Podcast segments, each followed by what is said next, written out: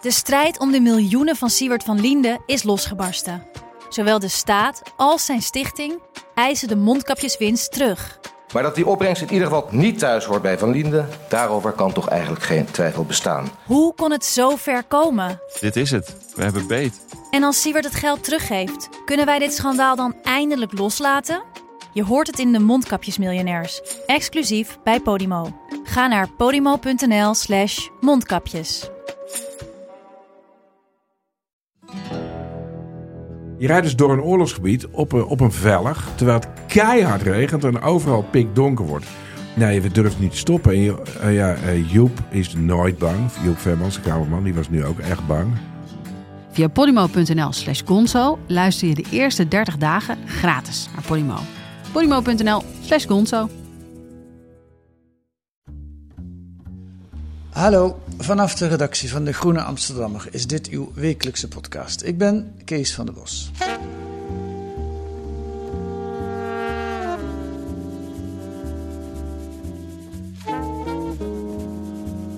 Een jaar geleden, op 18 september, werd advocaat Dirk Wiersum vermoord. Doodgeschoten toen hij van zijn huis naar zijn auto liep. Wiersum verdedigde Nabil B., een kroongetuige in het proces tegen Ridouan T. Ik blijf hem maar T noemen, maar hij wordt in de kranten met zijn volledige achternaam ook genoemd. Daar hebben we het misschien zo nog wel over. En hij is Nederlands beruchtste, beruchtste drugscrimineel. Het vermoeden bestaat dat Ridouan T. opdracht tot de moord heeft gegeven. Er is een verdachte opgepakt, maar er is nog niets bewezen. Die gebeurtenis schokte advocatenland, schokte de samenleving. En het maakte in één klap duidelijk hoe extreem de druk op advocaten kan zijn. Zijn advocaten daartegen bestand? Hoe zit het eigenlijk met het morele besef van strafrechtadvocaten? Met die vragen gingen groene redacteur Margreet Vochtelo en oud-rechter Smolders op pad. En deze week doen ze in de Groene verslag van hun moeizame zoektocht. Dag Margreet, welkom in de podcast. Hallo, dag. Eh Annerie zou er eerst ook bij zijn, maar die eh, eh, heeft zich laten testen op corona, Zo is het, ja. En Dus de uitslag is nog niet bekend, dus thuis wachten. jij mag ook voor Annerie praten. Ja, dat mag. Ja. Je bent nieuw in de podcast, maar je zit al eeuwenlang bij De Groene. Dat wil zeggen, een jaar of twintig heb ik gezien. Een kleine twintig jaar, Ja. zeker. Ja. En, en juridisch gebied is een van jouw aandachtspunten. ja, dat is het eh, juridisch en dan ook hè, de rechtsstaat. Dat is meer de maatschappelijke kant ook van de rechtspraak. Dat zit in mijn pakket, Ja. zeker. Wil je de microfoon nog iets meer voor Ja. je neus schuiven? Ja. Ja Beter zo, ja? Veel beter zo. ik hoor het nu ook wel hoor, ja. Van wie eh, kwam het idee voor dit artikel? Nou, het is eh, een beetje simultaan gegaan. Eh, Annerie Smolders is medewerker van De Groene.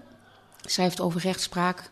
Zo hebben we het wel eens over dingen samen. Want Ze is dat- ook oud-rechter, hè? Ja, ze is oud-rechter en journalistiek gestapt, lang geleden al. Dus ze kent de wereld heel goed. Dat is dus heel prettig. Dat, Ja. is, dat is wel nodig voor deze best complexe thematiek. En in mijn geval was het zo, ik had een keer een interview met een eh, advocaat uit de sociale advocatuur. En die zei, ik doe niet strafrecht, want het is heel moeilijk om niet eh, mee te dijnen met je cliënt. eh, als het gaat om, in dit geval dan, eh, criminele topfiguren uit de onderwereld uiteindelijk kan je die druk heel moeilijk weerstaan. Het lijkt me vreselijk om daarin te moeten zitten.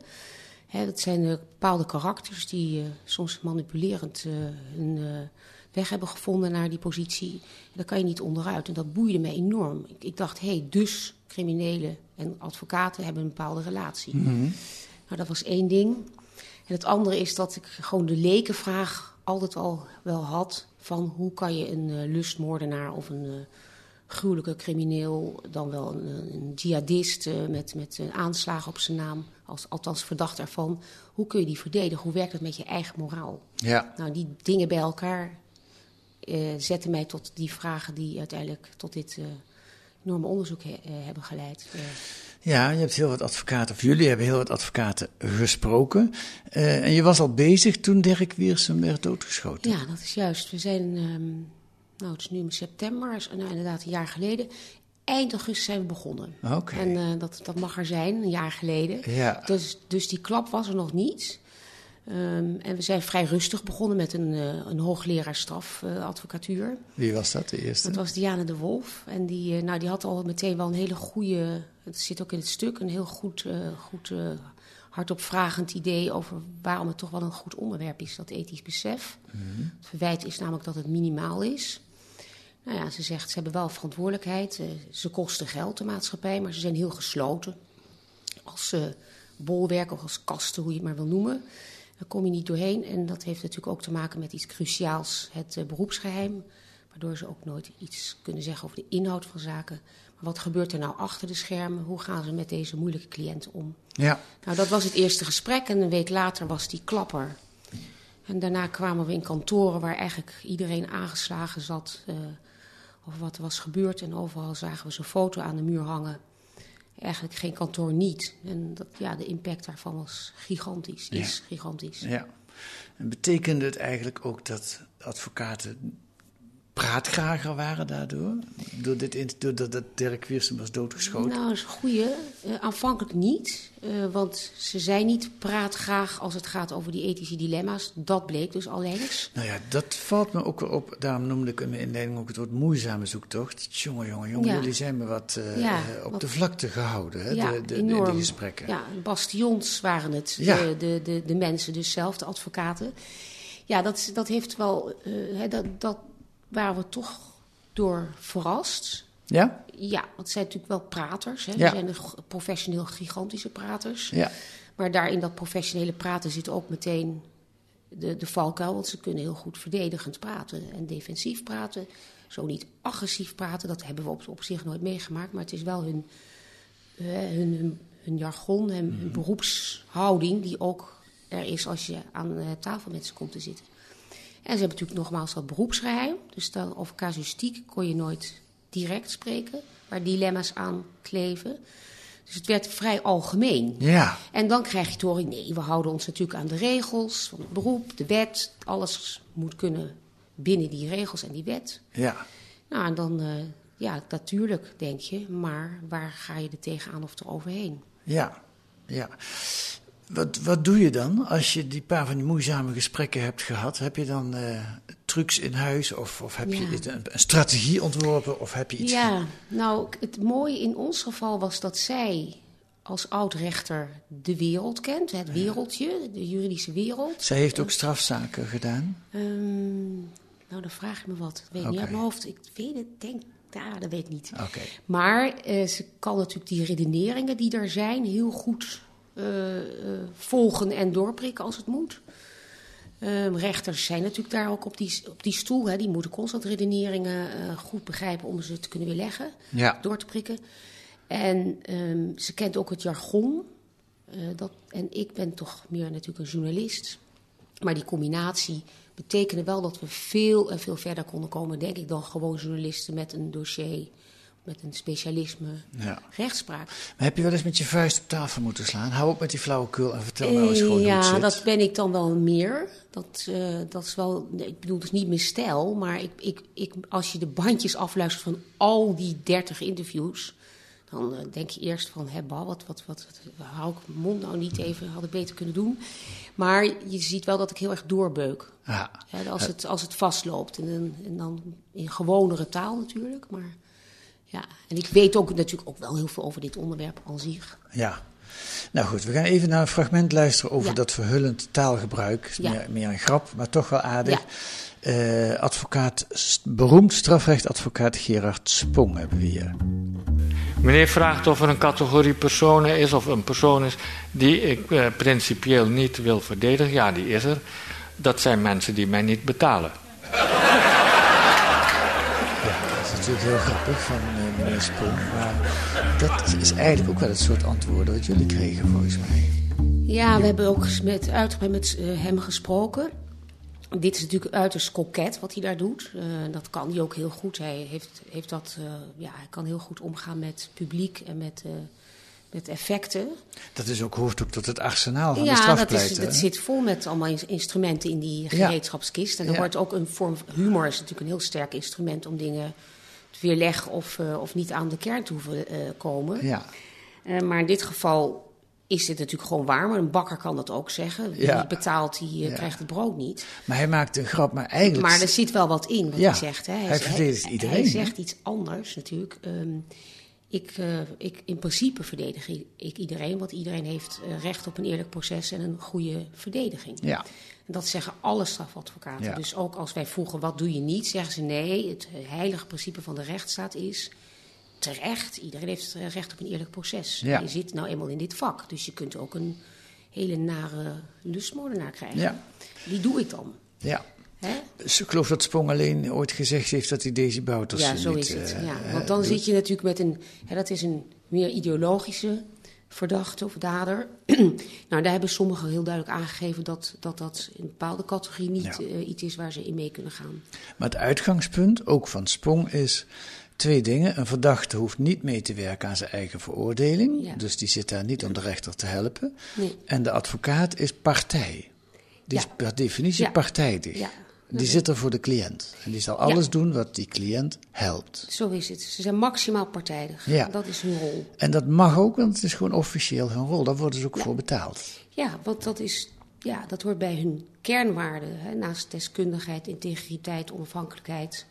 hoort er ook partijdigheid bij. En, Ja. en dat is ook natuurlijk prachtig geregeld in de rechtsstaat... dat iemand dat voor jou doet tegenover de machtige staat die jou aanklaagt. Ja, want dat is de rechtvaardiging van die houdingen. Ja. De, de, de staat Ja. heeft allerlei middelen om Ja. ons het leven zuur te maken. Met Van je maar- pootje te haken, Ja. verzin het allemaal maar, juridisch eh, in, ingedekt uiteraard. En die advocaat houdt de staat, controleert de staat. Ja, en haar- ik zou ook dolblij zijn als ik eh, Sprong dan wel eh, Plasman of Fiek eh, aan mijn zijde weet... die helemaal voor je gaan door het vuur gaan. ja, want ik snap het ook niet. Ik snap die, die hele procesgangen niet. Dat is hun, hun kunde, deskundigheid. hoe bedoel je? Ik snap het. Nou ja, als ik, als ik ergens van verdacht word...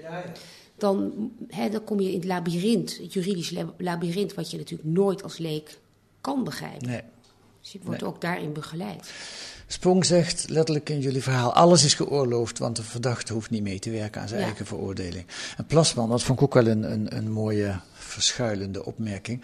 Of ik ermee zit of een schuldige vrijkomt, ik kom helemaal niet toe aan wat ik daaraan vind. Ja, Ja. dag, denk Ja, ik dan. ja daar, dat is natuurlijk het begin van het stuk. Ja, Ehm velen hebben dat in een variatie daarop gezegd. Hè. De emoties eh, eh, doen er niet toe. En het gaat ook natuurlijk niet om de daad zelf, maar om de dader die je verdedigt. ja, En ehm, hij zegt eigenlijk, ja, als ik dat goed gedaan heb, naar eer en geweten binnen de regels van het spel, ja, dan stel dat hij vrijspraak krijgt op basis van, nou, laat ik het ergste geval noemen, een vormfout, en dat is gelukt. Ja, daar ga ik er natuurlijk niet mee zitten. Ik heb het goed gedaan. ja. Maar ik zal er wel mee zitten als ik vuil spel speel. En dat zegt bijvoorbeeld ook Stijn Franke. Die zegt, ja, je mag heel hard en scherp spel spelen, maar het moet wel fair blijven. ja. Fatsoenlijk blijven. Misschien is het dan goed om het andere fragment wat ik wilde laten horen te, te gebruiken. Want daarin legt eh, advocaat Wesky, volgens mij nog steeds de advocaat van eh Ridouan T., Ja, uit.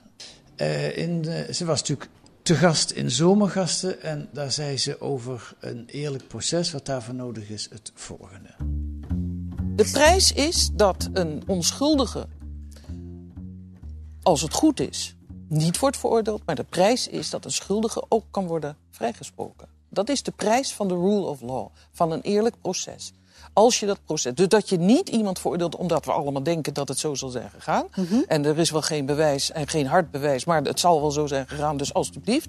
Hè, dat, dat, is de, dat is de schaal waar we nu eh, langzaam zo eh, hè, de afgrond in zakken. Nee, we moeten allemaal op dezelfde regels kunnen, kunnen een beroep doen. De prijs is het. We mogen een onschuldige in elk geval niet veroordelen. En dat kan betekenen dat soms ook een enkele schuldige niet veroordeeld wordt. Ja. Maar dat is de prijs voor een eerlijk proces. ja. Jullie hebben Wesky ook gesproken? Nee, Nee? nee. Nee, die ehm, hebben we wel benaderd. En ehm, in een ander, was een, of iets anders, maar wel binnen dit eh, onderwerp. En die heeft natuurlijk nu een eh, forse rechtszaak waarbij ze eh, partij is. En eh, dus ze werkte absoluut niet mee, wat ik heel goed begrijp. Hoor. Ja, ja, En ze is sowieso heel terughoudend. Hè. Dat hebben we ook gezien bij zomergasten. ja, ja, ja, zeker. Nou, die uitspraak die ze, die ze daar doet, daar kan ik alleen maar van zeggen, ja natuurlijk. Ja, Zo werkt het. Hè? Je bent onschuldig tot het tegendeel wordt bewezen. En als dat niet bewezen kan worden, dan kan dat bij een schuldige toch tot vrijspraak leiden. En omgekeerd is, is ja, dat is een ergere prijs. Daar ben ik Ja. heel erg mee eens. Ja. ja. Maar om nou te zeggen dat we de afgrond inzakken met z'n allen, hè, dat zegt ze toch ook? Ja, hè, dat, dat, het- dat er steeds meer crime fighters zijn bij het OM, bedoelt ze. Ja. Die al- alles op alles zetten om iemand eh, veroordeeld te krijgen. Ja. Misschien niet helemaal eh, via de goede weg. Dat, ja, dat is haar strijd. Dat is een strijd die zij erg aan het voeren is tegen Ja. het OM. Ja. Wat me opvalt in, in, jullie artikel, nou, je hebt dus over 30 interviews, je hebt heel wat eh, eh, mensen gesproken. Ja. Ehm, op een gegeven moment, ja, je, je hebt dus de hele tijd dat gevecht met de advocaten zeggen: nee, ja, ik ben partijdig en ik hou me aan de regels en ik hou me aan de wet. Eh, terwijl je toch vermoedt, zelfs eigenlijk wel weet, dat er af en toe wel eens dingen gebeuren die niet door de beugel kunnen. Maar dat is dan nooit net niet bij die advocaten waar jullie eh, op bezoek zijn. Het gebeurt al bij de ander. Het gebeurt altijd bij die ander. Ja. Totdat je bij, eh, hoe heet ik weer, Pieter van der Kruis Ja. komt. Ja.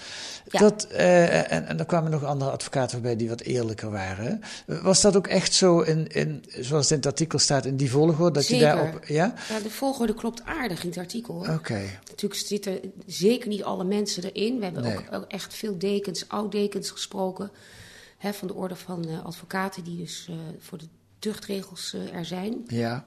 Ehm, nou ja, wetenschappers. En Diana de Wolf was nogmaals de eerste. Dat, was een, dat is echt een wetenschapper natuurlijk. Ja. Ehm, maar de volgorde van de, de opgevoerde personen... dat is wel zo dat die... eh, Pieter van der Kruis was een soort doorbraak. Ja. Want die was net afgezwaaid. Ehm, Een soort spijtoptand. ja, dat, zo noemen wij hem. Hè? Dat heb Ja. ik op eigen konto zo gezegd. Want dat zal hij denk ik zelf niet vinden. Nee. Maar dat is wel wat, wat er nou, nou, eh, eigenlijk uit eh, naar boven komt bij hem. Hij, hij is behoorlijk open en laat ook zien wat de valkuilen zijn. En hoe hij er zelf ook wel eens mee te maken heeft gehad. Echt heel eerlijk. En wij vielen inderdaad wel, nou niet van onze stoel, helemaal niet. Maar het was wel fijn dat hij Ja. dat het zei. En ook Ja. eh, niet meer zich verschool achter. Natuurlijk doe ik dat nooit. Nee. Nee. Je kan ook niet volgens hem huisadvocaat zijn van één hele groep, één bende. Het is hem gevraagd Ja. door motor, Ja. eh, de motorclub of die voor iedereen, eh, voor alle verdachten. Nou, hij zei no way, dat gaat niet. Dat, wordt, dat worden tegenstrijdige belangen. Ja. Dat kan niet. Volgens mij is er ook het voorbeeld van hem dat hij één motorverdachte verdedigde. en dat dan op een gegeven moment drie stevig gebouwde mannen op ja, het kantoor kwamen even komen. langs. Ja, Ja, en die willen het dossier, Ja. maar de meneer zat nog in beperkingen, dat juist. mocht niet. Ja. En hij gaf dat niet. Hij had zichzelf erop voorbereid, had het in een kluis gestopt. Waarna even later een andere advocaat de zaak overnam. Waarbij je dus op je klompen aanvoelt, die andere advocaat. Die gaat het wel doen. Ja. Dat, is, dat is wel een conclusie. Ja, Ja. weet je niet zeker, maar nee, dat ligt weet je niet zeker, maar als je eerst die ervaring hebt dat ze binnenkomen de tafel eh, ongeveer omgooien en eisen dat ze het dossier krijgen, hè, dan kunnen ze daar informatie uithalen die heel Ja. belangrijk is voor hoe ze dat moeten interpreteren voor hun eigen positie. Ja, Dat is nu ook bij het Marengo-proces een, eh, een punt. ja, Hè, die informatie mag tijdens beperkingen niet worden verstrekt aan derden. nee. Ehm, en nou, hij wist, hij had het al gevoeld, dus hij had het eh, in het kluis gelegd. Dus kon hij ook naar eer geweten zeggen: Ik kan het jullie niet, niet geven, ik wil het niet, maar het is er ook niet. In het eh, Marengo-proces, daar schrijven jij en Andrie ook een artikel over deze week in Ja. De Groene. Ja. Eh, daar is vorige maand, geloof ik, dat naar buiten gekomen dat het OM daar advocaten keihard beschuldigt van het lekken van informatie Ja. aan criminelen en hun omgeving. Ja. Advocaten zijn woedend, hebben ook eh, eh, jullie het leven zo zuur mogelijk gemaakt, begrijp ik. Maar je hebt het opgeschreven zoals je het hebt opgeschreven. Jullie hebben die stukken van het OM kunnen Hm. Ja. inzien. Ja. Ehm, nou ja, dat is, daar kunnen we verder weinig over zeggen, denk ik. Dat is onder de rechter. Hè? Dat zal moeten blijken of, dat, of die het is, beschuldigingen eh, terecht zijn. Wat, het is natuurlijk heel kort, kan ik er iets over zeggen. Ehm, het is naar buiten gekomen, niet via de, zoals wij dat in dat stuk zeggen, de Koninklijke Weg. Het had eigenlijk eerst naar de deken gemoeten van Amsterdam. Dus het. O- ja, het OM had en naar die de had deken die, moeten die, gaan. eh, die, die klacht vanuit het OM moeten onderzoeken Ja. van, de, van dat vermeende lekken. En eh, wat natuurlijk een hele zware beschuldiging is, echt heel zwaar. En ehm, ze hebben het eigenlijk toch, is het eerst in de pers gekomen, zodat de advocaten werden overvallen. En eh, dat, is, dat is geen prettige ervaring uiteraard. Een streek, zeggen Een de advocaten. streek en Ja. ze zijn dus ook woedend. En Ja. het lastige voor hun is dat ze daar nu niet inhoudelijk op kunnen reageren. En Waarom niet? nou ja, dan komt het toch weer eh, aan op dat beroepsgeheim. Hè, dan heb je het over stukken en eh, dat gebeurt in de rechtszaal. En ze kunnen Dus niet eh, inhoudelijk dat gaan weerleggen. En ze wachten nu allemaal het onderzoek af bij de Ja. deken. Dus het is Ja. nu wel bij de deken gekomen. Het duurt wel even, flink, twee, drie maanden. Ja. Dus zoveel kan je niet over zeggen. Nou, de schaduw is een ander ding. Is ook heel veel om, te doen. Ja, dat Ja. toen ze nog op zoek waren naar Ridouan T. zijn twee advocaten door het OM geschaduwd, omdat ze dachten dat ze naar hem toe gingen. Ja, advocaten hebben een vertrouwensrelatie met de cliënt, geheimhoudingsplicht, daar mag helemaal niemand zich mee bemoeien. Maar Nee. ook daar zijn uitzonderingen als er he- iets heel ernstigs is waar iemand van verdacht wordt. En het zou kunnen dat dit onder die uitzonderingen Zo valt. heeft het. OM het ook eh, ehm, gemotiveerd. Ja. Een uitzonderlijke opsporingssituatie. Ga ik weer terug naar die Pieter van der Kruis, want dat vond ik wel grappig. Die Ja. zegt dan op een gegeven moment... Kijk, zo'n verdachte zit in beperkingen. Dat moeten we misschien nog één keer uitleggen. Dan, dan is het onderzoek dus nog zo spannend voor het OM... dat ze niet willen dat de verdachte met wie dan ook communiceert. Maar de advocaat Nee. mag altijd wel. Dat is Ja. het, ene telefoontje. Het ene telefoontje, Wat je ja. mag doen. En toen zei zo'n verdachte tegen Pieter van der Kruis... of hij door wilde geven aan zijn familie... dat de paarden weg moeten. Ja. En dat heeft die schat gedaan. Ja. En dat bleek een codeboodschap te zijn. Ja. En daar heeft hij dan bijvoorbeeld in dat gesprek, zei hij, dat heb ik later wel spijt van gehad. Want het ging waarschijnlijk om een, eh, om een arsenaal wapens. Dat, hè, dat waren dan de paarden. Die moesten zo snel mogelijk weg, want eh, er kon elk moment een inval komen of iets dergelijks. Maar de, de- de- dat, dat kon hij toen ook wel weten, maar hij heeft het toch gedaan. Ja.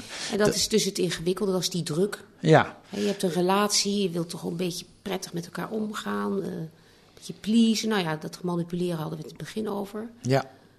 Ja. Iets anders wat hij ook noemt is. een cliënt heeft, een verdachte heeft het gedaan, denkt de advocaat misschien ook wel. Eh, Maar ga het alsjeblieft niet tegen de rechter vertellen, want je, je, je, je, wer- je werkt jezelf in de nesten. Dus, dus dan wordt heel bewust geadviseerd: hou jij je mond dicht, ik doe Ja. het woord wel bij de rechter. Ja.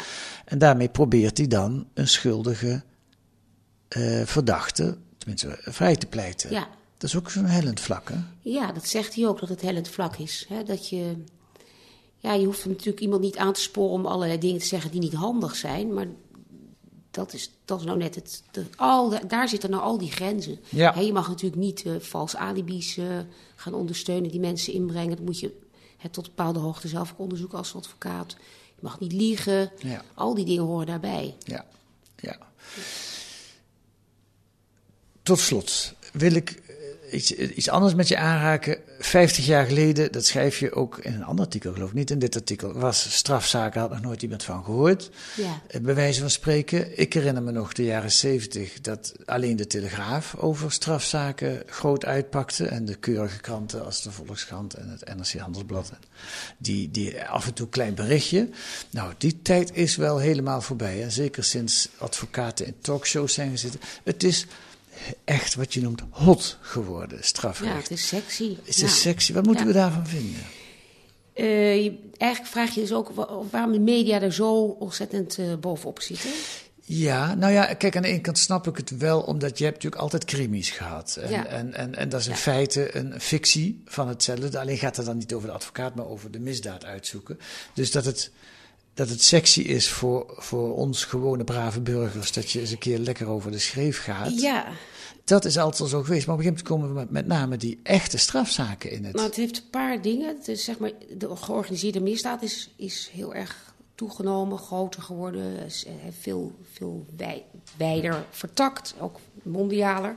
Vroeger hadden we zeg maar pistolen Paaltje, dat is niet Ja. mijn tijd. Ja. Nou, dan krijg je een beetje generatie Bruinsma Holleder. Dan komt de generatie waar we nu naar kijken, Marengo-proces. Dus het is echt, het is forser en gelaagder en ingewikkelder met veel meer eh, belangen en geld. Ja, maar is dat een reden om er meer aandacht aan te Nee, geven? ja, nou dat denk ik wel, omdat het ook wel toch wel maatschappelijke problematiek eh, vertegenwoordigt. Hè. Het eh, misdaadverslaggeving was natuurlijk vroeger inderdaad iets voor de Telegraaf alleen. Maar eh, ik vind het wel interessant, bij, bij Holleder zag je het heel goed, die werd bijna een knuffelcrimineel. Hoe kan dat nou weer? Ja.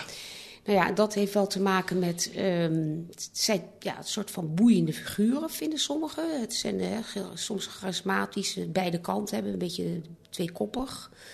Ehm, en eh, in dat stuk haal ik ook Hans Boutoyer aan. Dat is een, eh, een socioloog. En die zegt ook, ja, het heeft twee kanten. Het, eh, de psychologie van hè, de, figuur, de psychopaat, dat is spannend. Maar ook de sociologie. Dat we ehm, ja, ons bij dit soort extreme moraliteit, hè, van tussen goed en kwaad, laten we ons graag aan aan toetsen. Het is zo duidelijk kwaad. En we weten het zelf allemaal niet meer, zegt hij. Dit is een beetje verdampt. Hè. We hebben geen kerk meer. Hij verklaart het een beetje zo. Mhm. Dus die rechtszaken zijn eigenlijk voor ons een soort ja, theaters van moraliteit geworden. Ja, ja, de oude kaders waarin de moraliteit werd vastgesteld, Ja. die zijn een beetje weggevallen. En nu is de strafrechter, de rechter, is, die is eigenlijk vertegenwoordigt onze Ja. moraal. Daar toetsen wij onze ideeën dat over moraal is aan. een beetje wat ik ook bij hem hoor, maar dat ik ook vind. Hij noemde het trouwens ook een mooi woord. Het heeft iets lustvols. Zeker. Om ehm, da- dat te volgen of erbij te zijn. Je kan als publiek ook een eh, rechtszaal bezoeken. En erover te lezen. Nou, als je het eenmaal erin duikt, is het heel spannend. Zou die het gedaan hebben? Hoe gaat het lukken? Dus het is, ja, het is ook de, de whodunit van de, van de film. Maar dan echt. Ja. True crime, dat, is, dat vinden mensen prachtig. Ja. Terug naar jullie artikel, een beginvraag. Ben je Ja. er nou veel wijzer van geworden en in welke zin? Dus waar ben je achter gekomen door die zoektocht? Nou, dat zijn van die geweldige grote vragen. Ehm, nou, zeker wijzer. Ehm, want ja, we hebben natuurlijk een hele gang doorgemaakt om verder te komen. Dus het is heel interessant dat, dat je ziet dat het eerst niet lukt en dat je door een muur moet. Ja, als je kijkt naar je beginvragen, Ja. eh, die- wat, Ja. wat, wat, wat, wat, wat is er van voor jouw gevoel echt beantwoord? Nou, wat er beantwoord is, is dat ik begrijp heel goed wat partijdigheid is. En dat die leken vraag, hoe kan dat? De lustmoordenaar enzovoort, dat, dat kan ik nu, eh, dat antwoord, dat kan ik heel goed begrijpen. Ja. Veel gelaagder is dat. Het is nou eenmaal de rol die je te spelen hebt in de rechtsstaat. En dat heeft ook een zinnige ja, rol. Zin en dat, dat je dus daarmee je geweten kan uitschakelen, dat begrijp ik ook. Mhm. En dan hebben we het natuurlijk over die, dat grensoverschrijdende grijze gebied onder druk van criminelen die je verdedigt. Nou, daar ben ik wel heel wat wijzer over geworden. Dat is hartstikke zwaar en het gebeurt. Ja, die druk is enorm. Ja, soms. die is enorm. En, en, en je zit ook als advocaat, dat zie ik ook heel goed, tussen twee vuren. Aan de ene kant heb je de, hè, de, gewoon de, het OM. Aan de andere Mhm. kant heb je die wereld, die vertegenwoordigt die cliënt. Nou, daar zit je tussen. Ja. dat, dat is niet makkelijk. Maar je moet het wel goed doen en blijven doen. Het is heel ondermijnend als je dat toch gaat overschrijden. Ja, dan krijg je dat vertrouwen. Daar, daar, dat hebben zij ook eh, eh, waar te maken. Wat de, wat de burgers hebben in de rechtsstaat. Ja. Nou, we volgen het allemaal in het Marengo-proces, want daar wordt het op het scherpst van de snede nu uitgevochten. Ja, Ehm Margreet Vochtelo, dankjewel voor, de, voor dit gesprek. zeker.